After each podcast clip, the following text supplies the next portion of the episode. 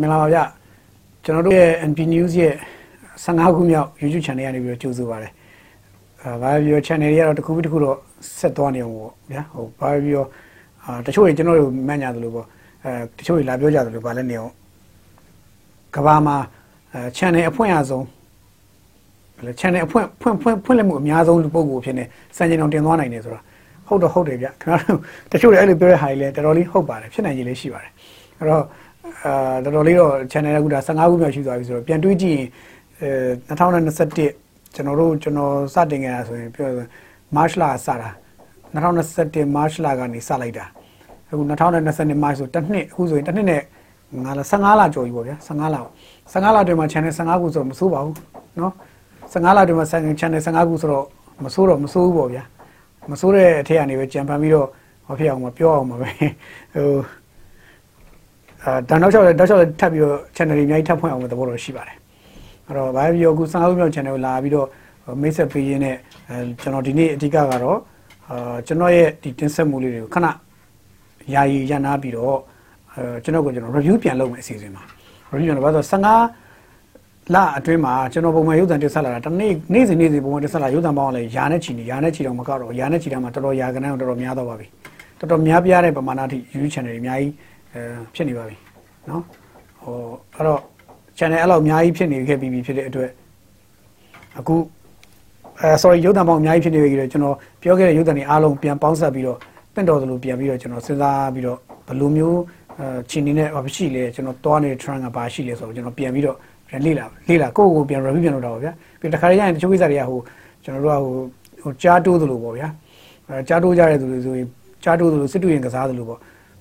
ကိုလုံနေတာကိုကိုကိုတိုင်းကတခါတလေမသိတာရှိတယ်ဘေးကတိုးတဲ့လူကသာဟာဒီလိုတိုးလိုက်မကောင်းလားဒီလိုပဲလိုက်မကောင်းလားဆိုတာရှိတယ်ဆိုတော့အဲ့လိုမျိုးပေါ့အဲဒါကြောင့်ကျွန်တော်ကိုယ့်ကိုပြန်ပြီးတော့ရက်ပြီးတော့ဘေးကနေပြန်ကြည့်တာပေါ့အဲ့လိုအဲ့လိုသဘောမျိုးနဲ့ကျွန်တော်ခဏရန်နာမှာဖြစ်ပါတယ်ရန်နာရင်ရန်နာဖို့စီစဉ်ရခြင်းအကြောင်းရင်းကလည်းရှင်းရှင်းလေးပါကျွန်တော်ပို့ဝင်လည်းပြောခဲ့ပြီးပါပြီအဲပို့ဝင်လည်းပြောရင်တော့ကျွန်တော်လည်းလူတွေကလူတူဖြစ်တဲ့ကြောက်ပါတယ်ကြောက်လို့ကျွန်တော်ခဏယာယီနားတယ်အဲကြောက်လို့ပဲကျွန်တော်ရုပ်တံနေပြောနေတာဖြစ်ပြီးတော့ကြောက်လို့ပဲယာယာယီခဏရန်နာတာဖြစ်ပါတယ်ပြန်ပြီးတော့ရုပ်တံနေပြန်ပြောခဲ့ရင်လည်းဒါကြောက်လို့ပြန်ပြောတာဖြစ်ပါတယ်အဲ့ တော့ကြောက်တာချင်းမတူတော့ဘူးပေါ့ဗျာကြောက်လို့ကျွန်တော်ရုပ်သံပြောရဲဆိုတာဒီတိုင်းပြည်မှာရှိတဲ့လူလူအတိုင်းဝိုင်းကြီးတစ်ခုလုံးမှာသတင်းနဲ့ပတ်သက်ရင်အစိတ်သိမ့်မှုတွေဖြစ်မှာကျွန်တော်စိုးရိမ်နေစိုးရိမ်နေတဲ့အတွက်ကျွန်တော်သတင်းသမားတယောက်ဖြစ်တဲ့အတွက်ဒီတိုင်းပြည်နဲ့ပတ်သက်လို့ရှိရင်သတင်းပြည်သူလူထုကသတင်းအစိတ်သိမ့်မှုတွေမရှိစေချင်ဘူးပြည်သူလူထုကိုသတင်းအမှားတွေပေးပြီးတော့တိုင်းပြည်ကလူထုကိုသတင်းအမှားတွေပေးပြီးလူထုကိုဟိုလမ်းကြောင်းမှားပါတယ်မဖြစ်စေချင်ဘူးဒါကြောင့်ကျွန်တော်ကမဆုံးဖြတ်တင်တာတွေမဆုံးဖြတ်မလုပ်တင်တာတွေမလုပ်တင်တာတွေမလုပ်မိအောင်လို့သတင်းတွေနဲ့ကျွန်တော်တို့ပြန်ပြီးတော့ဖြစ်စေချင်လို့ သတင်းရဲ့သဘောတဘောနဲ့သတင်းရဲ့ရှိနေတဲ့အကြောင်းအရာအမှန်တရားတွေရှိတရားတွေကိုကျွန်တော်ပြောဖို့ကြိုးစားတာဒါကျွန်တော်ကကျွန်တော်လူထုပုံမှာသတင်းသမားတယောက်ရဲ့တာဝန်ကျေပြွန်မှုမဖြစ်ခဲ့မှာကျွန်တော်စိုးရိမ်နေတမိုင်းမှာသတင်းသမားတွေတာဝန်မကျေပြွန်ခဲ့ဘူးတမိုင်းမှာသတင်းသမားတွေဟာအာကိုကိုချိုးပဲကိုကြည့်ပြီးတော့ကိုကိုချိုးပဲကိုကြည့်ပြီးတော့ပြောတင်ပြောရတယ်မပြောခဲ့ကြဘူးဆိုတော့တမိုင်းမျိုးမှတ်တမ်းမျိုးကြီးနောက်မျိုးဆက်တွေရေးထိုးသွားမှာကျွန်တော်စိုးရိမ်နေတဲ့အတွက်ကျွန်တော်အဲ့ဒီအကြောင်းတရားလေးနဲ့ကျွန်တော်ရုပ်သံနေပုံမှန်ပြောတာဖြစ်ပါတယ်ပြီးတော့တစ်ချိန်တည်းမှာအဲ့ဒီတုန်းက တကယ်ကိုထင်ရှားကြော်ကြတဲ့နိုင်ငံရေးသမားကြီးတွေထင်ရှားကြော်ကြတဲ့စီးပွားရေးသမားတွေထင်ရှားကြော်ကြတဲ့တတိပညာရှင်တွေထင်ရှားကြော်ကြတဲ့အမှုပညာရှင်တွေနောက်တစ်ခုကဒီနိုင်ငံရေးပြဿနာကြီးကိုပြဿနာကြီးကိုဘယ်လိုပြည်လျောင်ဖြေရှင်းပေးရမလဲဆိုတာကိုပြောသင့်ပြောထက်တာတွေပြောပေးရမယ်အစားလူလူကိုနှစ်သိမ့်သိမ့်နေတိုက်တာတွေနှစ်သိမ့်သိမ့်နှစ်သိမ့်ထိုက်တာတွေကိုနှစ်သိမ့်ပေးရမယ်အစားမတိကြအောင်ဆောင်မတိကြိုးကြိုးပြုတ်ပြီးတော့ကိုအသက်တာလင်ပရဏကိုမိသားစုအကျိုးစီးပွားတာလင်ပရဏဆိုပြီးစဉ်းစားပြီးတော့နေခဲ့ချတော့လူအချို့များစွာကိုကျွန်တော် တွေ့ရတဲ့အခါမှာရင်ထဲမှာမကောင်းလို့ဆိုတာနဲ့ကျွန်တော်အဲ့တုန်းကရုပ်သံနဲ့စပြောခဲ့တာဖြစ်ပါတယ်အဲ့တော့ဘယ်လိုပဲဖြစ်ဖြစ်အခုကတော့အခုအဲ့အဲ့ဒီတော့ဒါအဲ့လိုကြောက်မှုကြောက်မှုတွေနဲ့ပြောတာပေါ့အခုကြောက်တာကြတော့တော့တမျိုးပါအားလုံးလည်းသိတဲ့အတိုင်းပဲဒီအပိုင်းဒီအပိုင်းပုံပြဒီလတွေဘိုင်းတွေတွေ့မှာလေကျွန်တော်လည်းချင်းချောက်မှုတွေခံရတာကျွန်တော်လာပေါင်းများစွာရှိနေပြီဒါပေမဲ့ဒီရပိုင်းချင်းချောက်မှုကပိုကျန်းလာတာတွေ့ရတယ်တော်တော်လေးကိုဒီထောက်ဖို့အုပ်စုတွေရဲ့စီပါတိပါရောက်နေတာတော့တွေ့ရတယ်ထောက်ဖို့အုပ်စုတွေကပါဟိုပြန်ဒီကောင်ရှင်းပြဖို့ရှင်းပြဖို့လိုပြီဆိုတဲ့ဟာမျိုးတွေဖြစ်လာတဲ့အခါကျတော့ ကျွန်တော်လည်းလူတွေကလူတယောက်ပဲဗျာဟိုကြောက်တာပေါ့ကြောက်တဲ့အတွက်ကျွန်တော်ဒီရုပ်တံပြောတော့ပြောတော့ခဏရပ်ပါမယ်လို့ကျွန်တော်ဟိုစဉ်းစားရတာပေါ့ခဏရပ်ပြီးတော့ကျွန်တော်ဘာဖြစ်တာလဲကျွန်တော်ဘာဖြစ်သွားကြလဲဘာတွေဖြစ်ကုန်တာလဲဆိုတော့ပြန်ပြီးတော့ကိုယ့်ဟိုပြန် review ပြန်လုပ်တာသဘောပါအာအဲ့တော့ပြောရရင်တော့ကျွန်တော်လည်းခုနရှေ့မှာဗဇက်ပိတ်နေကြတဲ့သူများတကယ်လို့ဗဇက်ပိတ်နေကြတော့သူများတကယ်လို့ကျွန်တော်လည်းဗဇက်ပိတ်ပိတ်တာဖြစ်ပါတယ်။ဘာလို့ဆိုလူအတိုင်းဝိုင်းမှာပြန်ကြည့်လိုက်လို့ရှိရင်အားလုံးကနံပါတ်1စဉ်းစားတာကျွန်တော်တို့ကကိုယ့်ကိုယ်ကိုစစဉ်းစားကြတာဘယ်သူကမှသူများကိုဗဟိုပြုစဉ်းစားကြတာမဟုတ်ဘူးကိုယ့်ကိုယ်ကိုဗဟိုပြုပြီးစဉ်းစားကြတာ ဥပမာပေါ့ဗျာဒါတော့ရိုးရိုးရှိုးရှိုးဖြစ်နေတဲ့အချိန်ကြီးမှာနံပါတ်1ငါဝင်ပြီးတော့ကူပေးလိုက်ရောဘာထူးကြတော့မှာမဟုတ်လို့လေငါဝင်လို့ရင်ဘာပူကောင်းတော့မဟုတ်လို့လေဘာမှမထူးပါဘူးကွာရအောင်ကိုယ့်အသက်ကတာလင်ဗရာဏအသက်ရှင်တန်ဖို့ကဗရာဏဆိုတဲ့ရှုထောင့်ကနေပဲလူတိုင်းလူတိုင်းကစစဉ်းစားကြတယ်ဒီလိုစဉ်းစားကြတဲ့အတွက်ကျွန်တော်လည်းလူတွေကလူပဲဖြစ်တယ်အဲ့တော့ကျွန်တော်လည်းအဲ့ဒီတိုင်းပဲစဉ်းစားရမှာဖြစ်တယ်ဒီလိုပဲကျွန်တော်နားလည်ပါတယ်အဲ့တော့တချို့တွေကမင်းဟိုလိုမပြောဘူးလားဒီလိုမပြောဘူးလားဟိုအကြောင်းမပြောပေးဘူးလားဒီအကြောင်းမပြောပေးဘူးလားမင်းဟိုအားကြမပြောဘူးလားဒီအားကြမပြောဘူးလားဆိုတော့ ဒီလူတွေရဲ့ဟိုချိန်မောင်းဆဲဆိုပြောဆိုမှုတွေကြားထဲကနေပြီးတော့ဘောင်လောက်အောင်ပြောဖို့ဆိုတာကျွန်တော်တို့ခက်ပါတယ်အဲ့တော့တန်ဖန်ပြီးတော့ပဲပြောရင်းနဲ့ဒီလိုသွားတာဖြစ်တယ်အခုတော့ကျွန်တော်လည်းအဲကြောက်သွားပါတယ်ကြောက်တဲ့အတွက်ခဏကျွန်တော်ကိုယ့်ကိုပြန်ပြီး review ပြန်လုပ်ဖို့ရက်တယ်ဆိုတဲ့သဘောပါဒီသဘောပါအဲ့တော့အဲတခါနောက်ထပ်ကြောက်တာကတော့ဗာလဲဆိုတော့ရှင်းရှင်းလေးပဲကျွန်တော်ကြောက်တယ်ဆိုတာဒီကျွန်တော်ပြန်ပြီးပြန်ပေါ်လာလို့ပြန်ပြောပြမယ်ဆိုရင်ကျွန်တော်ကြောက်တဲ့အကြောင်းကြောက်လို့ပြန်ပေါ်လာတယ်လို့ပြောမှတ်ပါလို့ပြောတယ်ဘာလို့ကြောက်လဲဆိုတော့နောက်ထပ် လူတွေတည်ကြည်မှုတွေထပ်ဖြစ်လာခဲ့ရင်ကျွန်တော်တို့လူအတိုင်းဝိုင်းတစ်ခုလုံးကြားထဲမှာလူအတိုင်းဝိုင်းတစ်ခုလုံးကြားထဲမှာအမုန်းတရားတွေပိုကြီးတဲ့ကြီးလာခဲ့ရင်ကျွန်တော်တို့မျိုးဆက်တွေအတွက်စိုးရိမ်စိတ်နဲ့စိုးရိမ်ကြောက်ရွံ့စိတ်ဖြစ်တာပါကျွန်တော်မျိုးဆက်တွေအတိုင်းဝိုင်းတွေမှာပါစားကိုမိဘလည်းမရှောင်တာကိုမိဘလည်းမရှောင်ညီကိုမောင်တို့လည်းမရှောင်ဆရာသမားလည်းမရှောင်ဖုန်းကြီးတန်ခါရဟန်းတန်ခါလည်းမရှောင်မလို့တယ်မလို့တာတွေပါမရှောင်အကုန်ဆွတ်ဆက်လှုပ်လာတဲ့အတိုင်းဝိုင်းမျိုးဆက်တွေဖြစ်မှာကျွန်တော်စိုးရိမ်ပါတယ်ကျွန်တော်တို့ရဲ့သားသမီးတွေပေါင်းမျိုးဆက်တွေဖြစ်မှာစိုးရိမ်ပါတယ်ဒါကြောင့်ကျွန်တော်အဲ့ဒါကိုကြောက်တဲ့အတွက်ပြန်ပေါ်လာကောင်းပေါ်လာမယ်လို့ပြောတာပါအဲ့တော့ ရက်တဲ့ချိန်မှာကျွန်တော်ရက်မှာဖြစ်သလိုကားများလို့ပေါ့ဗျာ break လေးနည်းနည်းအုပ်ရတဲ့သဘောပေါ့ကျွန်တော် break အုပ်တဲ့သဘောလေးလည်းပြောချင်ပါတယ်ဒါပါပဲအဲ့တော့ဒီကြားထဲမှာတော့ channel ကဒီ15ခုမြောက် channel ကိုလည်းအားလုံးဒီလိုအပ်သလို subscribe လုပ်ထားကြဖို့လည်းတိုက်တွန်းပါတယ်တစ်ချိန်တည်းမှာပဲကျွန်တော်တို့ဒီကျွန်တော်တို့ရဲ့ application ကို install လုပ်ပြီးကြည့်ကြဖို့ iOS သမားတွေကတော့အားနာပါတယ်ဟိုလောလောဆယ်ကျွန်တော်စူးစမ်းပန်းစားလုပ်နေသေးပါ iOS သမားတွေနောက်ထပ်တစ်လနှစ်လလောက်ကြာရင်တော့ကျွန်တော်မိတ်ဆက်ပေးနိုင်အောင်စူးစမ်းနေပါမယ် အာ Android သမားတွေကတော့အခုသုံးလို့ရနေပါပြီဒီနေရာမှာ Android မှာမှဒီ Chinese version Android တွေပေါ့နော် Chinese phone တို့တရုတ်ဖုန်းတရုတ်ဖုန်းအချို့ဟာ Android အရသုံးရတာနည်းနည်းခက်ပါလိမ့်မယ်ဘာလို့ဆိုတော့ကဘာကြီးမှာဖြစ်နေတဲ့ပြဿနာအားလုံးလည်းသိပြီးသားဖြစ်ပါလိမ့်မယ်တရုတ်ဖုန်းတွေကိုဒီ Google တို့ဘာလို့ support မပေးတဲ့အခါကျတော့တရုတ်ဖုန်းတွေကျွန်တော်တို့ကဒီ application တွေဟာ Google Play Store မှာအခြေပြုရတာများပါတယ် Google ပေါ်မှာအခြေပြုရတာများတဲ့အခါကျတော့သူတရုတ်ဖုန်းတွေ support မပေးတဲ့အခါတရုတ်ဖုန်းအချို့ဟာ သုံးရခိုင်ရခက်သွားတာရှိပါလိမ့်မယ်နောက်တစ်ခါ loading layer တွေကျုံရတယ်ရှိပါလိမ့်မယ်အဲအခြားသောဒီအခက်အခဲအချို့ရင်ဆိုင်ရပါတယ်ရင်ဆိုင်ရနိုင်ရှိပါတယ်အဲ့တော့ဒီခံရင်းနေပဲကျွန်တော်တို့ကိုရှေ့ဆက်ခွင့်ပေးဖို့လည်းမြစ်တာရခံပါတယ်ကျွန်တော်တို့လည်းအဲကျွန်တော်တို့ဘက်ကပြင်ရမယ့်ဟာတွေအားလုံးကိုလိုက်ပြင်နေပါတယ်တည်တည်လေးအစားလိုက်ပြီးတော့စင်ညစ်တစ်ခုချင်းလိုက်ပြီးတော့စူးစမ်းပြီးပြင်ဆင်မှုစူးစမ်းနေပါတယ်အာအရာအလုံး complete ဖြစ်အောင်လုပ်နိုင်ဖို့ကျွန်တော်မှအရေးချင်းမရှိပါဘူးကျွန်တော်မှလုံးလုံးတဲ့အရေးချင်းမရှိသေးပါဘူးအဲ့တော့ကျွန်တော်အရာအလုံးကောင်းမွန်အောင်လုပ်ပေးနိုင်ဆိုမရှိသေးတဲ့အတွက် ခက်ခဲနေတဲ့အချိန်လေးမှာဝိုင်းလေတာပြဿနာပေါင်း1600ကြုံနေရတဲ့အချိန်လေးမှာ YouTube sorry ကျွန်တော် website ပေါ်ကနေသို့မဟုတ် application ကြီးကြည့်ရတာတွေအခက်ခဲဖြစ်နေတဲ့အချိန်တိုင်းမှာအဲစာနာနာလည်းပေးကြဖို့လဲမြစ်တာရက်ခံလိုပါတယ်အဲကျွန်တော်လည်းစူးစမ်းနေပါတယ်ကျွန်တော်လည်းမဖြစ်ချင်ပါဘူးဗျာကျွန်တော်လည်းဘယ်ဖြစ်ချင်မှာမလဲเนาะအဲ့လိုအဝိုင်းလေတာကျွန်တော်လည်းဘယ်ကြည့်ချင်မှာမလဲကျွန်တော်လည်းကိုချင်းစာပါတယ်ခင်ဗျားတို့ဒီကျွန်တော် application ရုပ်သံတွေကြည့်ရင်အဝိုင်းနေလေတာကိုစိတ်မရှိဖြစ်တော့ကျွန်တော်လည်းဖြစ်ပါတယ်အဲဖြစ်တဲ့အတွက်ကျွန်တော်လည်းပြင်ဖို့စူးစမ်းနေပါတယ်အဲထပ်ပြီးတော့ဟို ပြင်နိုင်မြအကောင်းဆုံးဖြစ်အောင်ကြိုးစားနေပါနိပြသမားနဲ့ကျွန်တော်တိုင်ပင်ပြီးတော့ကြိုးစားနေပါတယ်ဒီလိုပဲပြောပြရစီအဲ့တော့ခဏတိခံပေးကြဖို့လဲမြေတားရခံပါတယ်အဲ့တော့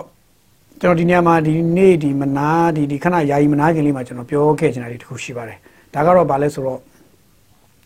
ကျွန်တော်တို့ဒီလူမှုအတိုင်းဝိုင်းထဲမှာဖြစ်နေတဲ့ပြဿနာလေးပေါ့အဲ့ဒါအဲမှာမှကြောက်စရာအကောင်းဆုံးပြဿနာလေးတစ်ခုကျွန်တော်ပြောချင်တယ်ပြောခဲ့ချင်တယ်ဒါဗာလဲဆိုတော့စီဝါရေး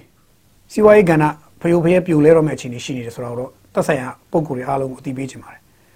မြေပြင်အခြေအနေကိုလေ့လာကြည့်ကြပါတေချာသွားပြီးတော့တေချာစစ်တမ်းကောက်ကြည့်ကြပါအရှိအရှိတရားကိုအရှိတရားကိုနားလည်အောင်လက်ခံကြည့်ကြပါ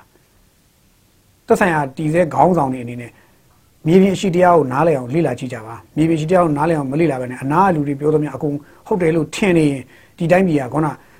ဒီနေ့ရင်ဆိုင်နေတဲ့ပြဿနာတွေပိုဆိုးွားတဲ့စီးပွားရေးပြကိန်းနဲ့ကြုံရတတ်ပါတယ်ကြုံတတ်ပါတယ်ကြုံသွားနိုင်ပါတယ် နံပါတ်1ပြောချင်တာကမြန်မာနိုင်ငံမှာဒီဘန်တွေကိုထိန်းချုပ်ထားတဲ့ကိစ္စတွေမလိုအပ်ဘဲနဲ့ထိန်းချုပ်ထားတဲ့ကိစ္စတွေတချို့ကိစ္စတွေကဒီလုံခြုံရေးရှုထောင့်အရာထိန်းချုပ်တယ်ဆိုရင်တော့လုံခြုံရေးရှုထောင့်ကိုထိန်းချုပ်တယ်ဆိုရင်တောင်အခြားရှုထောင့်ရဲ့တက်ရောက်ဆိုးကျိုးတွေကိုထည့်စဉ်းစားဖို့လိုပါတယ်အအများပြည်သူကစိုးရိမ်စိတ်တွေပြင်းထန်သွားတဲ့ဒီလုံးဒီဘန်နာရေးငွေကြေးကိစ္စဘန်ထိန်းချုပ်မှုကိစ္စအများပြည်သူရင်းထဲမှာစိုးရိမ်တန်တရားတွေနဲ့အများပြည်သူဒုက္ခရောက်ကြပါတယ် အဲအထူးသဖြင့်လုပ်ငန်းရှင်တွေကအလုပ်လုပ်ငန်းရှင်တော်တော်များအလုပ်ကိုင်လုပ်ရတဲ့လုပ်ငန်းရှင်တော်တော်များတော်တော်လေးဒီအလုပ်လုပ်ရတာအဆင်မပြေဖြစ်လာပါတယ်ဥပမာဝန်ထမ်းကိုဝန်ထမ်းကိုလာတာချေဖို့ဘယ်လိုချေမှမသိဘူးဒီမှာဒါလွန်ခဲ့တဲ့မနစ်ကတည်းကဖြစ်တယ်လို့ဒီနှစ်ထိလည်းဖြစ်နေသေးပါဥပမာကျွန်တော်ပြောပြပါမယ်စက်မှုစုံတစ်စုံပဲဆိုကြပါစို့ဥပမာစက်မှုစုံတစ်စုံမှာအရင်တုန်းကစက်မှုစုံတစ်စုံမှာရှိတဲ့ ATM စက်တွေနဲ့စက်ရုံတိုင်းစက်ရုံတွေမှာတချို့တွေချထားပြီးတယ်ရှိတယ်လို့ကျွန်တော်ကြားဘူးပါတယ်သိရပါတယ်စက်ရုံတွေမှာ ATM စက်တွေချထားပြီးမဲ့ပြီးခဲ့တဲ့ ထချထားပြီးတော့အရင်တော့ဟိုအရင်အရင်အစိုးရတွေလက်ထက်မှာဆိုရင်ဝန်ထမ်းတယောက်ကိုလာတာပြီးတော့မယ်ဆိုရင်ဒီ ATM စက်ထဲမှာသူ့အတူချိန်မျိုးသွားထုတ်ယူလို့ရတယ်လာစားလာကုန်ပြီးရသက်တဲ့ဘက်တွေမှာထုတ်ယူလို့ရတဲ့ပုံစံမျိုးနဲ့ system တစ်ခုလောက်ထားတယ်အဲ့တော့ဝန်ထမ်းတွေကြားထဲမှာပတ်စံကိစ္စတွေစိတ်ပူကြမလို့သူမသုံးရင်မသုံးမထားလို့ရသေးတယ်သုံးရင်ခဏလေးသွားထုတ်လို့ရတယ်အဲ့လိုနဲ့သူတို့အေးအေးဆေးနေလာခဲ့ကြရကနေနိုင်ငံရေးပြဿနာတွေဖြစ်တဲ့အခါကျတော့အဲ့ဒီ ATM စက်တွေကိုပိတ်လိုက်တယ်နောက်လာတာပြီးရှိမှုကိစ္စမှာလည်း cash ပေးဖို့ခက်ကုန်တယ်ပတ်စံတုံကြီးကိုဘန်ကနေပြီးတော့စက်ရုံတဲ့စက်ရုံကနေဘန်အောင်တဲ့အဲ့ဒီမှာဂျားထဲမှာ မတမာတဲ့သူတွေကဖြတ်လူတဲ့ပြဿနာရင်ဆိုင်ရတယ်တခါလုံသမားတွေရှိကိုလုံလောက်တဲ့ပတ်စံမပေးနိုင်ဘူးစက်ရုံလို့ရုံတွေကထုတ်ရတဲ့ပတ်စံ limit အကန့်အသတ်နဲ့ရှိနေတဲ့အတွက်ထုတ်ရတာရန်ခက်ခဲပြီးဖြစ်ပြီးတော့ဒုက္ခကြီးရရောက်ရတဲ့ပြဿနာအခုထိမပြီးသေးပါဘူးမြေပြင်ဝေးဟင်းမှာလေပေါ်မှာသတင်းစာရှင်းလင်းပွဲတွေမှာအပြင်မှာတိုက်သလောက်မီဒီယာတွေရှိမှပြောနေတဲ့ဟာတွေအကုန်လုံးကရှင်းရှင်းပြောရင်တကယ်ပြဿနာတွေအားလုံးရဲ့10%တော့မရှိပါဘူးတကယ်မြန်မာရင်ဆိုင်တွေကတကယ်အကြတဲ့ရင်ဆိုင်တွေက90လောက်ကလူထုကတကယ်ရင်ဆိုင်နေရတာပါ အပေါ်ကနေကျွန်တော်တို့ဘလို့ဟိုဟာလုပ်ပြီးပါပြီကျွန်တော်တို့ဒီဟာလုပ်ပြီးပါပြီဟိုလိုရှင်းပြီးပါပြီဒီလိုရှင်းပြီးပါပြီပြောနေတာတွေဟာရှင်းရှင်းပြောရရင်တော့လိန်နေရတဲ့တူပါတယ်လူထုကိုလိန်နေတယ်တော့တူပါတယ်အဲ့တော့ဒါမလိန်တဲ့အရာတွေပါငွေမရှိလို့လားဆိုမေးငွေရှိရဲ့သားနဲ့ခုနမလိုလားတဲ့သူတို့တခြားတခြားသောရှုထောင့်လုံခြုံရေးရှုထောင့်အရာစဉ်းစားပြီးတင်းကျပ်တာဆိုရင်တော့တချို့အခြားသောပြည်သူလူထုမဆိုင်တဲ့ပြည်သူလူထုမှာထိခိုက်မှုကြီးကျယ်ဖြစ်သွားခဲ့ပါတယ်ဖြစ်လဲဖြစ်ခဲ့ပါတယ်အခုလည်းဖြစ်နေပါတယ်အဲ့တော့ဘန်နာရေးအရာ ဘန်တွေကိုထိန်းချုပ်မှုလုပ်တဲ့ကိစ္စကမလိုအပ်တဲ့အပိုင်းတွေကိုဖြေလျှော့ပြီးလိုအပ်တဲ့အပိုင်းတွေမှာတင်းကျပ်တာမျိုးကန့်သတ်တာမျိုးလုပ်လို့ရပါတယ်အဲ့တော့ဒါကိုလည်းတည်တည်ချာချာခွဲချမ်းစိတ်ဖြာပြီးတော့လေ့လာကြဖို့လိုပါတယ်မလုံမလုံဖက်နဲ့ဝလုံးကြီးတို့အကုန်ရမ်းရင်တော့ရှိသမျှခံရမှာပြည်သူတွေပါအဲ့ပြည်သူတွေခံရင်အဲ့ပြည်သူတွေရင်ထဲကဒေါသတောကတောကတွေကခုနဘာတွေဖြစ်နေပြောင်းသွားလဲဆိုတော့ခုနနာကြီးမုံတီးမှုတွေဖြစ်နေပြောင်းသွားပြီးတော့ရန်လုံမှုတွေပဲရောက်သွားရင်တိုင်းပြည်ကမိဟုံးတောက်တဲ့ဒီဖြစ်သွားတတ်ပါတယ်ပေချာစဉ်းစားကြဖို့လိုပါတယ်ဒီတိုင်းပြည်မှာရှင်းရှင်းပြောရရင်တော့ တက်လာတဲ့ NASA ကောက်ကိုတတ်ချင်ဖြတ်ချင်လောက်အောင်မုန်းနေတဲ့လူကအယောက်100ရှိရင်အယောက်အယောက်100မှာအယောက်90ရှင်ကျန်တဲ့90ကျန်နေပါသေးတယ်အဲကျန်တဲ့90ရပါတတ်ချင်ဖြတ်စီပေါက်လာရင်ဒီတိုင်းပြည်လုံးကျလုံးမပုံဖြစ်ပြီးတော့မိဟုံးတောက်တဲ့ဘောရောက်တတ်ပါတယ်အဲ့ဒါဟာသေချာစဉ်းစားကြည့်တဲ့ချက်ပါအဲ့တော့မဆိုင်တဲ့ပြည်သူတွေကိုထိခိုက်နေတာအောင်လုပ်တယ်ဆိုတဲ့ကိစ္စဟာထိခိုက်နေတာအောင်ရည်ရွယ်သည်ဖြစ်စေမရည်ရွယ်သည်ဖြစ်စေလုပ်တဲ့ကိစ္စဟာအရန်ကိုသတိထားရမယ့်ကိစ္စလို့ကျွန်တော်ပြောချင်ပါတယ်အဲ့တော့ဟိုဘန်နေထိန်းချုပ်တဲ့ကိစ္စမလိုအပ်တဲ့ထိန်းချုပ်မှုတွေနဲ့လူလူကိုအကြက်တဲတွေ့တယ်လုပ်ငန်းရှင်တွေကိုအကြက်တဲတွေ့စေတယ် ဆိုတော့ဒါအတီလင်းဖြစ်ခဲ့ပြီးသားဖြစ်ခဲ့ပြီးသားဖြစ်တယ်ယနေ့ထိလည်းဖြစ်နေသေးဖြစ်ပါတယ်တခါဒေါ်လာကိစ္စဒေါ်လာကိစ္စကလည်းကုန်သွယ်ရေးကိုထိန်းချုပ်တဲ့နေရာမှာကုန်သွယ်ရေးကဏ္ဍကိုထိန်းချုပ်တဲ့အခါမှာဒေါ်လာကိစ္စကလည်းလုပ်ငန်းရှင်တွေအားလုံးကိုဘေးကျနံကျက်တွေ့စေခဲ့ပါတယ်ကျွန်တော်ဥပမာအားဖြင့်ပြောရမယ်ဆိုရင်မကြခင်ကာလအတွင်းမှာကုန်စည်နှုန်းတွေရေတန့်တွေရေတန့်တို့ကအစအောက်ခြေပစ္စည်းကုန်ထုတ်လို့မြန်မာနိုင်ငံမှာထုတ်ကုန်နဲ့ထုတ်တဲ့မြန်မာနိုင်ငံထုတ်တဲ့ထုတ်ကုန်ပစ္စည်းတွေအကုန်လုံးဈေးတက်ပါဦးမှာမကြခင်ဈေးတက်သွားနိုင်ခြင်းရှိပါတယ်ဒါဘာကြောင့်လဲဆိုတော့ ဒေါ်လာရဲ့နောက်ဆက်တွဲနောက်73စီ73စီဈေးရဲ့ဈေးကြီးမှုနောက်ဆက်တွဲစိုးကျိုးကိုခံစားရမှာပါဥပမာအဖြစ်ကျွန်တော်ဒီနေရာပြောရရင်အရင်တော့ရေတံဘူးတူထုတ်တော့မယ်ဆိုရင်စက်ရုံမှာကော်စီတွေပါရပြပတွင်သွင်းလို့လွယ်လွယ်ကူရတယ်ငွေလဲလွယ်လွယ်ကူရှိတဲ့လွယ်လွယ်ကူတင်သွင်းလို့ရတယ်လွယ်လွယ်ကူပါပဲလို့ရတယ်ဒီနေရာမှာကျွန်တော်ရေတံပြောလို့ခင်ဗျားတို့ကရေတံကုမ္ပဏီကကျွန်တော် lobby လုပ်တယ်လို့ခင်ဗျားတို့ထင်ကောင်းထင်လိမ့်မယ်ကျွန်တော်နမူနာပေးနေတာဥပမာပေးနေတာပါအခြားကဏ္ဍတွေကတွေးတတ်အောင်လို့ကျွန်တော်ထင်သာမြင်သာတဲ့ကျွန်တော်တို့နေ့စဉ်မဖြစ်မနေတောက်ရမယ့်အရာတွေတခုကိုကျွန်တော်ခင်ဗျားတို့အသိပေးလိုက်တာရှိတယ်ဖြစ်ပါတယ်အဲ့တော့ကော်စီတွေ ရေတံဘူးထုတ်တဲ့ကော်ဘူးကော်ဘူးရေတံဘူးထုတ်တဲ့အခွန်အလကားရတာမဟုတ်ပါဘူးကော်စီတွေရှိတယ်တာရုကော်ပစ္စည်းကော်ပစ္စည်းတွေကနေပြီးတော့ကော်ဘူးတွေထုတ်ရတာပါကျွန်တော်လည်း plastic ဆက်မလုပ်ခဲ့ဘူးလို့ကော်စီတွေအကြောင်းကျွန်တော်ကောင်းကောင်းအကြမ်းပြင်းအပြင်သိပါတယ်အဲ့တော့ကော်စီကပြပတင်သွင်းတာပါမြန်မာနိုင်ငံကမလုပ်နိုင်ပါဘူးမြန်မာနိုင်ငံလုပ်တဲ့ကော်ကရေသွင်းမမီပါဘူးရေတံဘူးထုတ်ရင်ပြဿနာတက်ပါလိမ့်မယ်အဲ့တော့နမူနာပြပါအဲ့တော့သွင်းတဲ့အခါသွင်းလာတဲ့ import တွေကပြဿနာတက်ပါတယ်အခု import တွေအကုန်တော်တော်များဟာရှင်းရှင်းပြောရရင်တော့တချို့ import တွေက လုံထုံးလုံးကြီးနဲ့မညီလို့တင်းကျပ်ချင်ရင်တော့လုံထုံးလုံးကြီးနဲ့အညီသွားနေတဲ့ import တွေကိုမလိုအပ်ဖက်နဲ့ဒီဒေါ်လာဈေးနဲ့ထိန်းချုပ်တာ import ထိန်းချုပ်တာတွေကိစ္စတွေက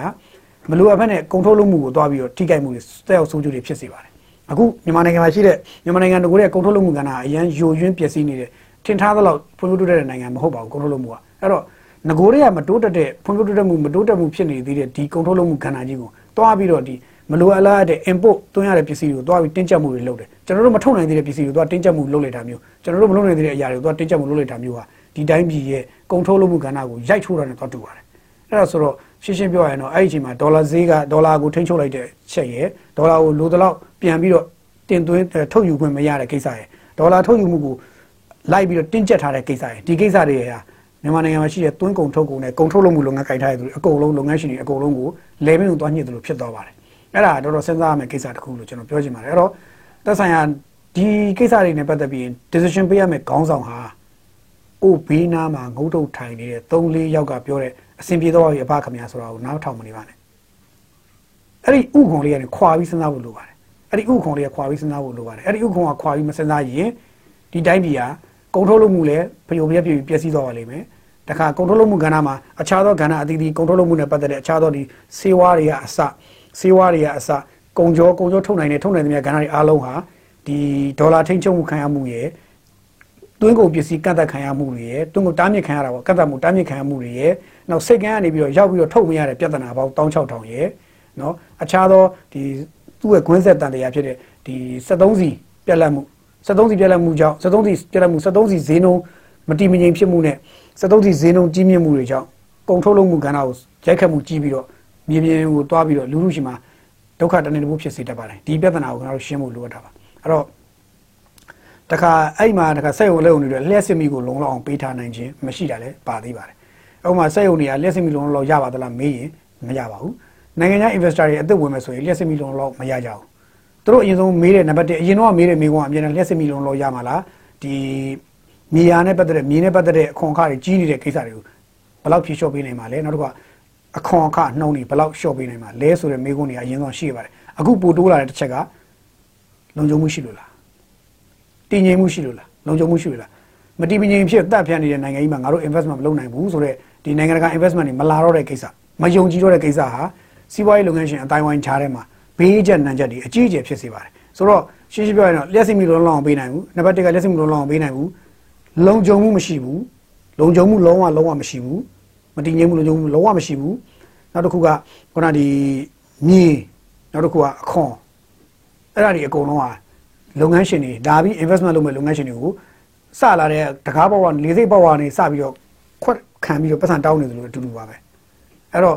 လေးစိတ်ဘောကနေစဝင်လာတဲ့ခွက်ခံတောင်းနေမှာတော့သူတို့စိတ်ပြတ်သွားပြီမလာတော့ပါဘူးကွာတော်ပါပြီဆိုပြီးတော့နောက်ဆုံးပြန်လှည့်သွားရင်စီးပွားရေးလုပ်ငန်းရှင်နောက် investor တွေလုံးဝမလာတော့ဘူးနိုင်ငံခြား investor တွေမလာရင်မြန်မာပြည်က investor တွေလောက်နဲ့ ဒီနိုင်ငံကိုဆွဲတင်ရလောက်အောင်ကျွန်တော်တို့ခင်ဗျားတို့မှာအရေးချင်းရှိပြီလားလို့ပြန်မေးရမှာပါမြန်မာ investor တွေမြန်မာကတထေးတွေမြန်မာလုပ်ငန်းရှင်တွေနဲ့ကြီးပဲလုပ်ငန်းကိုလဲပတ်လို့ရတဲ့အဆင့်ရောက်နေခဲ့ပြီလားလို့ခင်ဗျားတို့ကျွန်တော်ကိုယ့်ကိုပြန်မေးကြဖို့လိုပါတယ်ကျွန်တော်ဒီနေရာမှာထပ်ဥပမာပေးရင်အထည်ချုပ်လူကဏ္ဍအရန်လွယ်တဲ့အထည်ချုပ်မြန်မာနိုင်ငံမှာနှစ်ပေါင်းများစွာအလုပ်လုပ်နေတဲ့အထည်ချုပ်လူကဏ္ဍတောင်မှပဲကျဲသီးတစ်လုံးကိုယ်နိုင်ငံမထုတ်နိုင်ဘူးနော်အတူတစ်ချောင်းကောင်းကောင်းမထုတ်နိုင်ဘူး အဝတ်ချုပ်တဲ့အဝတ်ချုပ်တဲ့အတူတောင်ကောင်းကောင်းမထုတ်နိုင်ဘူးနော်အဲ့လိုမထုတ်နိုင်ဘဲနဲ့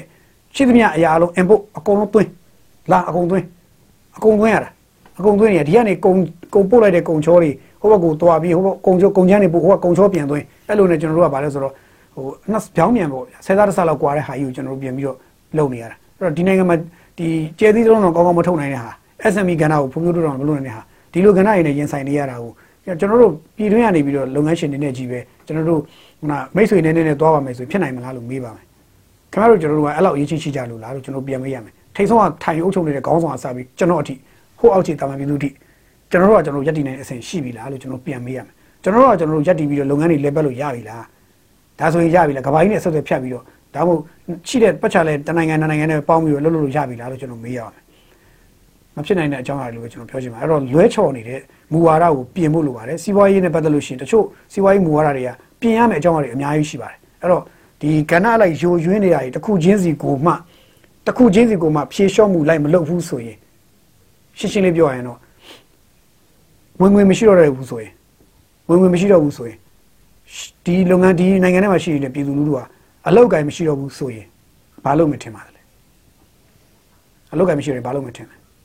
ခမရပဲဖြစ်ဖြစ်ကျွန်တော်ပဲဖြစ်ဖြစ်အလောက်ကိုင်းမရှိတော့ဆိုရင်ဘာလုပ်မလဲဘိုက်ကတကူကြီးអော်လာတဲ့အခါကိုသားသမီးရဲ့ ငိုဘိုက်စာလို့ငိုနေတဲ့အခါခမရဘာလုပ်မထင်လဲအဲ့ကြရင်တိုင်းပြည်ကမလိုလားတဲ့စိုးကျိုးတွေဖြစ်တတ်ပါတယ်ဒါကတော်တော်စဉ်းစားရမယ့်ကိစ္စပါအဲ့တော့စီဝါရေးကဏ္ဍကိုပြန်ပြီးတော့လဲအောင်လုပ်ဖို့လိုပါတယ်ဘယ်လိုလဲအောင်လုပ်မလဲဆိုတာခေါင်းဆောင်ကစဉ်းစားဖို့လိုတယ်ခေါင်းဆောင်ဘေးနာကအခါတော်ဘေးတွေကလည်းကိုအကျိုးစီးပွားတဲ့ကိုအမျိုးသားကျိုးကိုအမျိုးကြီးကိုအမျိုးအကျိုးစီးပွားတဲ့တတိုင်းပြည်လုံးရဲ့ပြည်သူလူထုရဲ့မျက်နှာကိုကြည့်ဖို့လိုပါတယ်ဒီနေရာမှာတစ်ခုထည့်ပြောချင်တာက နိုင်ငံတနိုင်ငံကိုအုပ်ချုပ်မဲ့ခေါင်းဆောင်လုပ်မယ်ဆိုရင်မိဘနေရာကိုဝင်တတ်ဖို့လိုတယ်မိဘလိုမျိုးစိတ်ရှိဖို့လိုတယ်မိဘစိတ်ဆိုတာရှင်းရှင်းလေးကျွန်တော်ပြောရရင်မိဘစိတ်ဟာဘယ်လိုလဲလို့မင်းကိုသားသမီးကိုသားသမီးဆိုးလဲချက်ရမှာပဲတတ်နိုင်သမျှပြုပြင်ပြောင်းလဲယူရမှာပဲကောင်းလဲပြုပြင်ပြောင်းလဲယူရမှာပဲကိုသားသမီးဗိုက်စာလို့ငိုနေချက်ချင်းကိုကကျွေးမွေးနိုင်တဲ့ပုံဖြစ်ရမယ်ကိုသားသမီးနာကျင်ခံစားနေရရင်ချက်ချင်းဖြည့်သိမ့်ပြီးနိုင်တဲ့စိတ်ရှိရမယ်ကိုသားသမီးယောဂတစ်ခုခံစားနေရင်ဒုက္ခတစ်ခုတွေ့နေချင်ကိုကထိတ်ဆုံးနေပြီးတော့ဝင်ပြီးတော့အာတာဝန်ခံပြီးလို့စိတ်ရှိဖို့လိုတယ် မိဘစိတ်အစိုးရခေါင်းဆောင်လုပ်တော့မယ်ဆိုမိဘစိတ်ရှိဖို့လိုပါတယ်မိဘစိတ်မရှိဘဲနဲ့ကိုကြိုးစည်းပွားကိုအခြေခံထားတဲ့စိတ်မျိုးနဲ့အခြေခံအလုပ်လုပ်မယ်ဆိုရင်ဒီတိုင်းပြည်မှာပို့ပြီးတော့ဆိုးရတဲ့ပြဿနာပေါင်းတောက်ချတော့တက်ဖို့လို့တက်ပဲလို့ပြောချင်ပါတယ်အဲ့တော့အစိုးရတွေလုပ်မယ်ဆိုရင်အစိုးရကောင်းဆောင်လုပ်တော့မယ်ဆိုရင်မိဘစိတ်လေးရှိထားတာကိုလိုပါတယ်အဲ့တော့မိဘစိတ်မရှိဘဲနဲ့တော့ဒီတိုင်းပြည်အုပ်ချုပ်ဖို့တော့မကြိုးစားကြဘူးဒီနေ့ကနေထပ်ပြီးတော့တိုက်တွန်းလိုပါတယ်ပြီးတော့မြေပြင်မှာရှိနေတဲ့အရှိတရားကိုတကယ်သိအောင်လုပ်ပါကဏ္ဍအလိုက်သိအောင်လုပ်ပါ ဒီနေ့မြေမြေပြင်မှာရှိနေတဲ့အရှိတရားကရှင်းရှင်းလေးပါစီးပွားရေးလုပ်ငန်းရှင်တွေအကုန်လုံးကိုလိုက်မေးရင်သူတို့အရင်ဆုံးနံပါတ်1ကြောက်နေတဲ့အချက်ကဘယ်နေ့ငါအဖမ်းခံရမလဲမသိဘူးဘယ်နေ့ငါ့ကိုလာပြီးတော့စစ်ရစစ်ဆေးစရာရှိလို့လိုက်ခဲ့ပါဦးလို့ထမင်းစားဖိတ်လက်ဖိတ်တော့ဖိတ်ခံရမလဲမသိဘူးကြောက်တယ်နော်နှစ်အချက်ကဘယ်နေ့ငါအိမ်ရှိမှာဘုံလာချမလဲမသိဘူးဘယ်နေ့ငါအိမ်ရှိမှာဘုံလာချပြီးဘယ်နေ့ငါအပြင်ထွက်တဲ့အချိန်မှာငါ့ကိုလာပြီးတိတ်ပစ်သွားမလဲမသိဘူး ဒါကိုကြောက်တာအဲ့နှစ်ချက်ကိုကြောက်ကြပါတယ်နံပါတ်3ချက်ကဘယ်နေ့ငါအလုပ်သမားတွေငါစီးပွားရေးတွေငါအလုပ်တွေအကုန်လုံးကိုဘယ်နေ့များဖြက်လို့ဖြက်စီးနေဝိုင်းဖြက်စီးတာခံရမလဲမသိဘူးငါသားသမီးငါမိသားစုဘလို့ဖြက်စီးခံမလဲမသိဘူးဆိုတော့စိုးရိမ်စိတ်နဲ့အကုန်လုံးစောင့်ကြည့်နေကြပါတယ်မလုပ်ဖဲနဲ့ရှိတဲ့အလုပ်တွေအကုန်လုံးရပ်လိုက်ရတဲ့အထိဖြစ်ကုန်ပါတယ်ဘာကြောင့်လဲဒီနေ့နိုင်ငံမတည်မငြိမ်ဖြစ်မှုကိုကြည့်ပြီးတော့အကုန်ရထားကြတာပါဆိုလိုတာဘာမှမလုပ်ဖဲနေတာမှအကောင်းသားလှုပ်လိုက်မိတဲ့အတွက်တစ်ချက် စီဝါရေးထလုပ်လို့ရှိရင်မင်းကနာဆာကကိုထောက်ခံတဲ့အကောင်လားကွဆိုတဲ့မိကုန်းနဲ့အတူအဲ့ဒီမိကုန်းနဲ့အတူ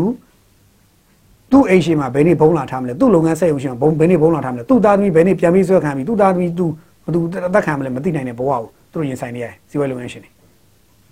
ဒါစီးပွားရေးလုပ်ငန်းရှင်ဆိုတာလုံခြုံရေးနေရာမှာရှိလူပြောတာနော်တာမန်ပြည်သူဆိုရင်ပြောမနေနဲ့ပြောကြရတော့မရှိတော့အဲ့တော့ဟုတ်ပြီတခါ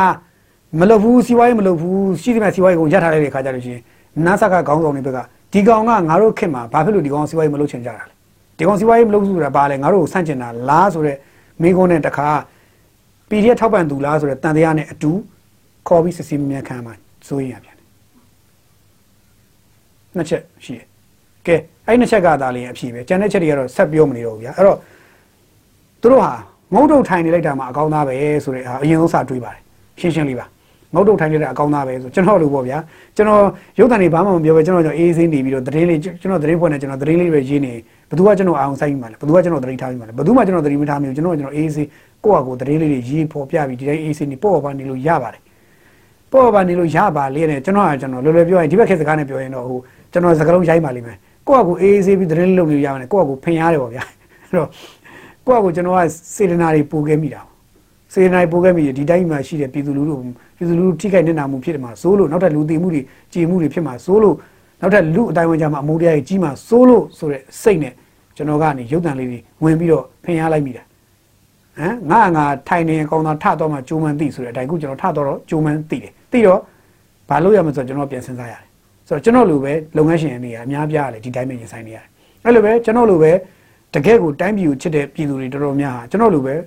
စဉ်းစားပါတယ် ကျွန်တော်လိုပဲလူပေါင်းများစွာစဉ်းစားသွားတယ်အကုန်လုံးပါဇက်ပိတ်သွားကြတယ်ရှေ့မှာကျွန်တော်ရှေ့မှာပါဇက်ပိတ်ခဲ့လူတွေကပို့ပြီးတော့ပိုတော်ရှေ့ရတယ်ပို့ပြီးတော့ကြောက်ငကိုတွေကကြောက်တာလည်းဖြစ်နိုင်တယ်လို့ကြိုပြီးသိလို့ကြောက်တာလည်းဖြစ်နိုင်တယ်ကြိုပြီးသိလို့ပိတ်တာလည်းဖြစ်နိုင်တယ်ဘယ်လိုကြောင့်ပဲဖြစ်ဖြစ်သူတို့ကြိုပိတ်နေကြတာသူတို့မှန်တယ်ဒီလိုတော့ကျွန်တော်ပြောရမလို့ဖြစ်နေတယ်အခုကျွန်တော်တို့တွေအားချောင်နေမိတဲ့ကောင်တွေတောင်ကျွန်တော်တို့အားချောင်နေပေါ့ဗျာအားချောင်နေမိတဲ့ကောင်တွေတောင်အားချောင်နေမိတဲ့ကောင်တွေတော့ကျွန်တော်တို့တော့ကြောက်နေရတယ်ဆိုရင်ပြန်တွေးကြည့်ပေါ့ဒီတိုင်းကြီးဘာဖြစ်နေလဲအဲ့ဒါဆိုရင်ကျွန်တော်တို့ကဘာပြောရမလဲလို့မေးရင်ရှင်းရှင်းလေးပဲ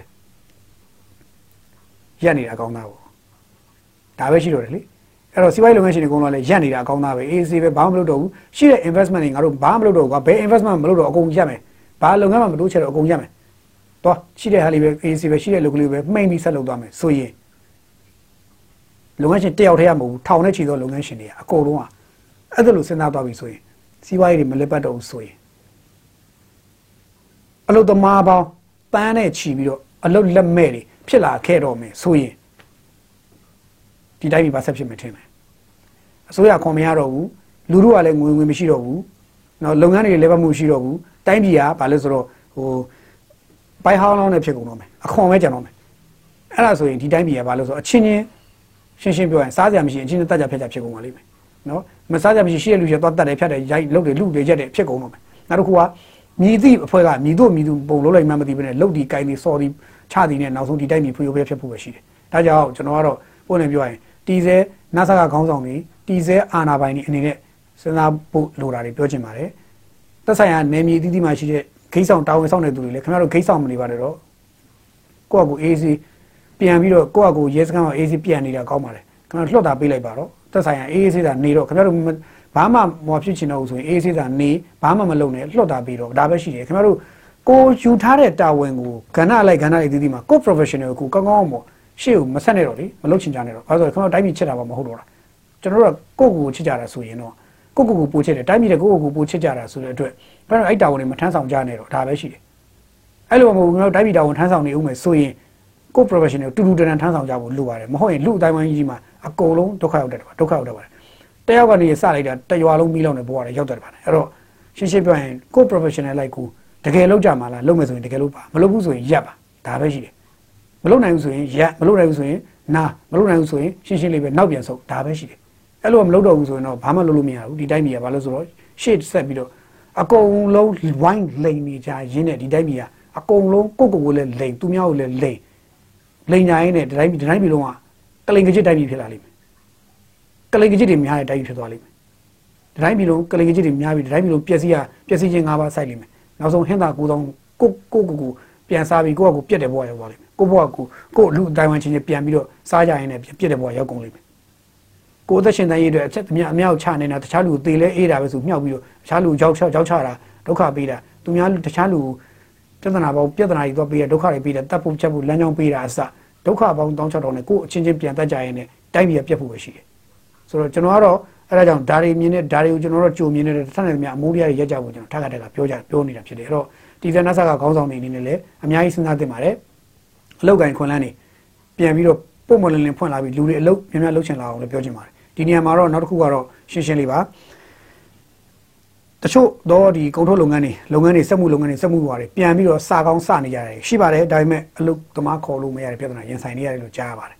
အလုပ်သမားခေါ်လို့မရတော့ပါဘူးပြီးခဲ့တဲ့ April လနောက်ပိုင်းကစပြီးတော့အလုပ်သမားခေါ်လို့မရတော့ဘူးအလုပ်သမားတွေတိတ်မရှိတော့တချို့အလုပ်သမားတွေကနေတွေပြန်သွားကြပြီပြန်တက်မလာတော့ဘူးမလုံခြုံဘူးလို့ယူဆလို့ ကိုယ်နေမှာကိုယ်နေတာအကောင့်သားလို့ထင်ပြီးတော့ပြန်နေကြပါပြီခင်ဗျားစက်ရုံတရုံဖို့လို့ရန်ကုန်ကရန်ကုန်မြို့မှာနေတဲ့လူကဘယ်လောက်လုံလို့မထင်လဲရန်ကုန်မြို့မှာနေတဲ့လူကစက်ရုံတွေမှာတိတ်အလုံးမလုပ်ကြဘူးတခြားဒေသကိုထွက်တယ်အဲ့တော့နေပေါင်းစုံကနေပြီးတော့ရန်ကုန်မှာရှိတဲ့စက်ရုံတွေလာလို့လုပ်ကြတာဖြစ်တယ်အဲ့တော့အကုန်လုံးကတော်တော်များရဲ့ဒီအရင်တော့100 100စက်ရုံတရုံမှာလူ100ရှိလူ100လုံးနေရလာနေကြပြီမဲ့အခုစက်ရုံမှာရှိတာ100ရှိရမယ်ဟာမှာ100မရှိတော့ပဲ50 60လောက်နဲ့ရှိကုန်အဲ့တော့ဘာဖြစ်ကုန်လဲလို့မေးရင်စက်ရုံလုံးရဲ့လေပတ်တဲ့ဟာတွေက လုပ်ငန်းစဉ်ခွင့်တွေကမလုံမလောက်မှုတွေဖြစ်တယ်လုံသားမလုံမလောက်မှုတွေဖြစ်လာတယ်တချို့တွေကတော့တချို့လူငယ်တွေကရွာပြန်ပြီးရွာနေပြန်တက်မလာတော့ဘူးတချို့လူငယ်တွေကရွာမှာပဲနေနေတချို့လူငယ်တွေတချို့ဒေသတွေမှာတချို့လူငယ်တွေက PDF လေးတွေဖြစ်ကုန်တယ်တချို့လူငယ်လေးတွေကတေးကုန်တယ်ဒီလိုနဲ့ဒီတိုင်းပြည်မှာလူငယ်ပေါင်းများစွာမျိုးဆက်ပေါင်းများစွာဒုက္ခကြီးကျယ်ရောက်နေကြတယ်ဆိုတော့ဒီလုံသားအခွင့်အရေးဆုံးရှုံးမှုတွေလည်းကြီးကျယ်ဖြစ်နေတယ်လုံသမားတွေအလုတ်လက်ကင်အလုတ်လက်မဲ့ဖြစ်တာလည်းအများကြီးရှိနေသလို အလုတ်သမားခေါ်လို့မရတဲ့ပြဿနာလည်းအများကြီးဖြစ်ပေါ်နေတယ်လို့ကျွန်တော်တို့ပြန်ကြားနေရတယ်ဆိုတော့ဒါဆိုရင်ကိုတို့လုံးမှုကဏ္ဍစက်မှုစက်မှုစုံစက်မှုအလုတ်ယုံနေကဏ္ဍတွေအကုန်လုံးဖျို့ဖျဲပြိုလဲပြီဆိုရင်ကျန်တဲ့ကဏ္ဍတွေမပြိုလဲနိုင်တော့ဘူးကျန်တဲ့ကဏ္ဍတွေလည်းအနည်းနဲ့များတဖြည်းဖြည်းတရည်ချင်းရိုက်ခတ်လာပါလိမ့်မယ်အဲ့တော့ထိရမယ့်ကဏ္ဍတွေအများကြီးပါနံပါတ်1ကတော့ရှင်းရှင်းလေးပါကျွန်တော်ရှိမှပြောခဲ့သလိုပဲမလိုလားအပ်တဲ့တင်းကျပ်မှုတွေထိန်းချုပ်မှုတွေကန့်သတ်မှုတွေပိတ်ပင်မှုတွေအကုန်လုံးဟာ တကယ်အလုပ်လုပ်နေတဲ့သူတွေတကယ်အေးစီးနေပြီးတော့အလုပ်လုပ်နေတဲ့သူတွေကိုတွားပြီးတော့လဲမဲသွားညစ်သလိုဖြစ်ရင်အဲ့လူတွေကငါတို့လည်းမလုပ်ဘူးကွာခိုင်ခိုင်ပြောနေမလုပ်ဘူးကွာဆိုပြီးတော့ရက်ချလိုက်ရင်အားလုံးဟာတိုက်ပြည်အကုန်လုံးတနေရာမှာရက်သွားပြီးတော့လုပ်ငန်းကြီးလက်ပတ်မှုရက်သွားလို့ရှိရင်အကုန်လုံးတိုင်းပြည်ဒုက္ခရောက်တတ်ပါတယ်ဒါကြောင့်ဒီကိစ္စကိုကျွန်တော်တက်ခါတက်ခါပြောနေရဖြစ်ပါတယ်အဲ့တော့ဒီနေရာမှာ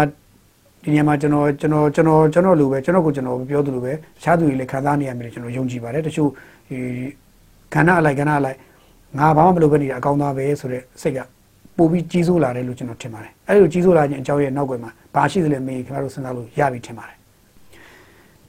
အဲ့တော့ကျွန်တော်ပြောတာတွေတချို့ဟာတွေကတချို့ကတချို့သောသူတွေကနားလဲပါလိမ့်မယ်တချို့တွေကတော့နားလဲချင်မှနားလဲပါလိမ့်မယ်အဲ့တော့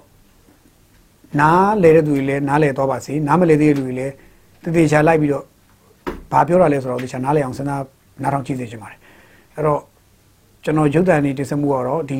ရက်ပိုင်းတွေဒီမှာခဏယာယီနားပါမယ်ကျွန်တော်ကိုကျွန်တော်လည်းခဏအနားပေးခြင်းနဲ့လည်းသဘောဖြစ်ပါတယ်ပြီးရင်ဒီဂျားကာလာအတွင်းမှာလည်းကျွန်တော်ကျွန်တော်တိတိတိထိုက်တာတွေကျွန်တော်ဖတ်တဲ့ဖတ်ထိုက်တာတွေလေ့လာနေတဲ့တာတွေကျွန်တော်ဂျားမှာလေ့လာနေပါဦးမယ်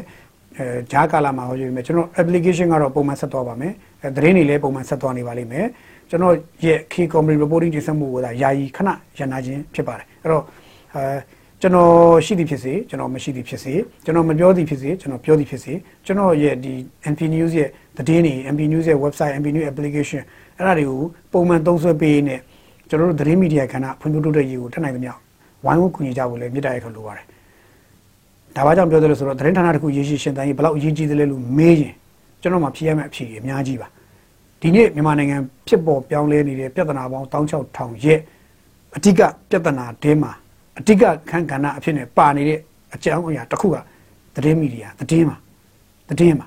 သတင်းတွေပါသတင်းတွေကြောင့်လူတွေစိတ်ဝမ်းကွဲကြသလိုသတင်းတွေကြောင့်လူတွေဒေါသတွေထွက်ကြတယ်သတင်းတွေကြောင့်လူတွေငိုကြတယ်သတင်းတွေကြောင့်လူတွေကြီးကြတယ်သတင်းတွေကြောင့်လူတွေတက်ကြဖြတ်ကြတယ်သတင်းတွေကြောင့်ပဲလူတွေကြားထဲမှာအမုန်းတရားတွေပိုပြီးကြီးသွားတယ်သတင်းတွေကြောင့်ပဲလူအတိုင်းဝိုင်းကြီးမှာစိတ်ဝမ်းကွဲမှုတွေဖြစ်ပေါ်တယ်သတင်းတွေကြောင့်ပဲခင်ဗျားတို့ကျွန်တော်ရင်မချင်းနီးတဲ့လူတွေလည်းဖြစ်လာတယ်အဲ့တော့ သတင်းကဘယ်လောက်ရေးကြည့်ပါသလဲမေးရင်တော့ခင်ဗျားတို့ပဲစဉ်းစားကြည့်ဖြေကြည့်ပါသတင်းအသက်ဟာတိတ်ပြီးတော့တုံလုံးပါတယ်မြန်လုံးပါတယ်သတင်းမသိလိုက်ချင်းသတင်းတွေမသိလိုက်ချင်းနဲ့သတင်းသိလိုက်ချင်းဟာတော်တော်အရေးကြီးပါတယ်တန်ဖိုးလဲကွာသွားပါတယ်သတင်းတစ်ပုဒ်ကိုကြိုတင်သိလိုက်တယ်သတင်းကိုမိမိလန်လန်းမိမိနဲ့အချိန်မိမိသိလိုက်တယ်ဆိုရင်လူတစ်ယောက်ရဲ့အသက်ကိုဘယ်လောက်ကယ်နိုင်သွားလူပေါင်းများစွာအသက်ကိုဘယ်လောက်ကယ်နိုင်ခဲ့တယ်လဲနဲ့သတင်းမသိဘဲနဲ့နေလိုက်လို့ရှိရင်လူပေါင်းလူအသက်ပေါင်းများစွာဘယ်လောက်ထိသေဆုံးသွားနိုင်တယ်လဲဆိုတာစစ်တမ်းတွေလည်းရှိပါတယ်အဲ့တော့ဘာပဲပြောပြောသတင်း ဌာနတွေရေရှည်ရှင်တန်းရေးအတွက်ကိုဝိုင်းဝန်းကူညီပေးကြဖို့မြစ်တာရက်ခံပါတယ်ဒီကျွန်တော်တို့ဟိုကျွန်တော်တို့ဒီနေရာမှာကျွန်တော်တို့ကောက်ခံတဲ့ကြီးဟာနှုံးဟာလေကျွန်တော်တို့အရင်တုန်းကပုံမှန်သုံးနေတဲ့နှုံးတိုင်းပါပဲကျွန်တော်တို့ခင်ဗျားတို့ဟိုအားပေးတဲ့သူတွေကိုကျွန်တော်အလကားတောင်းနေတာတော့မဟုတ်ပါဘူးကျွန်တော်တို့ရဲ့လောကလေးကိုကျွန်တော်တို့ကိုပြန်ပြီးတော့နားလည်မှုပေးဖို့ကျွန်တော်တို့လှုပ်လှုပ်ပေးတဲ့လောကလေးကိုကျွန်တော်တို့သတင်းရှာပေးနေတယ်သတင်းတွေခင်ဗျားတို့ပေးနေတယ်အဲပေးနေတဲ့အတွက်ခင်ဗျားတို့အတွက် ကျွန်တော်ပေးလိုက်တဲ့တနစ်တာပတ်လုံးပေးလိုက်တဲ့သတင်းပုတ်ရီထောင်ချီတဲ့တပုတ်ဟာခင်ဗျားတို့အတွက်တန်ဖိုးရှိသွားခဲ့တယ်ဆိုရင်ခင်ဗျားတို့အသက်ကိုတန်ဖိုးများစွာပေးနိုင်ခဲ့တယ်ဆိုရင်ခင်ဗျားတို့ဘဝတွေကိုတန်ဖိုးများစွာပေးနိုင်ခဲ့တယ်ဆိုရင်ကျွန်တော်တို့ပေးရတဲ့တန်ကြီးကတန်သလားမတန်သလားကိုစဉ်းစားပြီးတော့မှကျွန်တော်တို့ကိုသုံးပါကျွန်တော်တို့ကိုလာစဉ်ချင်းနဲ့ပုံမှန်ကြည့်ပေးပါလာစဉ်ချင်းနဲ့ပုံမှန်ဖြစ်ပါအဲ့တော့ကျွန်တော်တို့သတင်းမီဒီယာတွေကျွန်တော်ကျွန်တော်ကျွန်တော်တို့သတင်းနာအနေနဲ့အစိတ်သက်မှုတွေကာကွယ်ပေးနေတက်တဲ့တက်တဲ့တည်းများရှိကိုခီးဆက်ပါမယ်ကျွန်တော်လည်းတင်ဆက်မှုတွေကိုတင့်တော်တဲ့အချိန်တင့်တော်သလိုကျွန်တော်ပြန်လာပါမယ် အဲ့တော့အားလုံးပဲဒီညအတွက်တော့ခရိုက်ပါ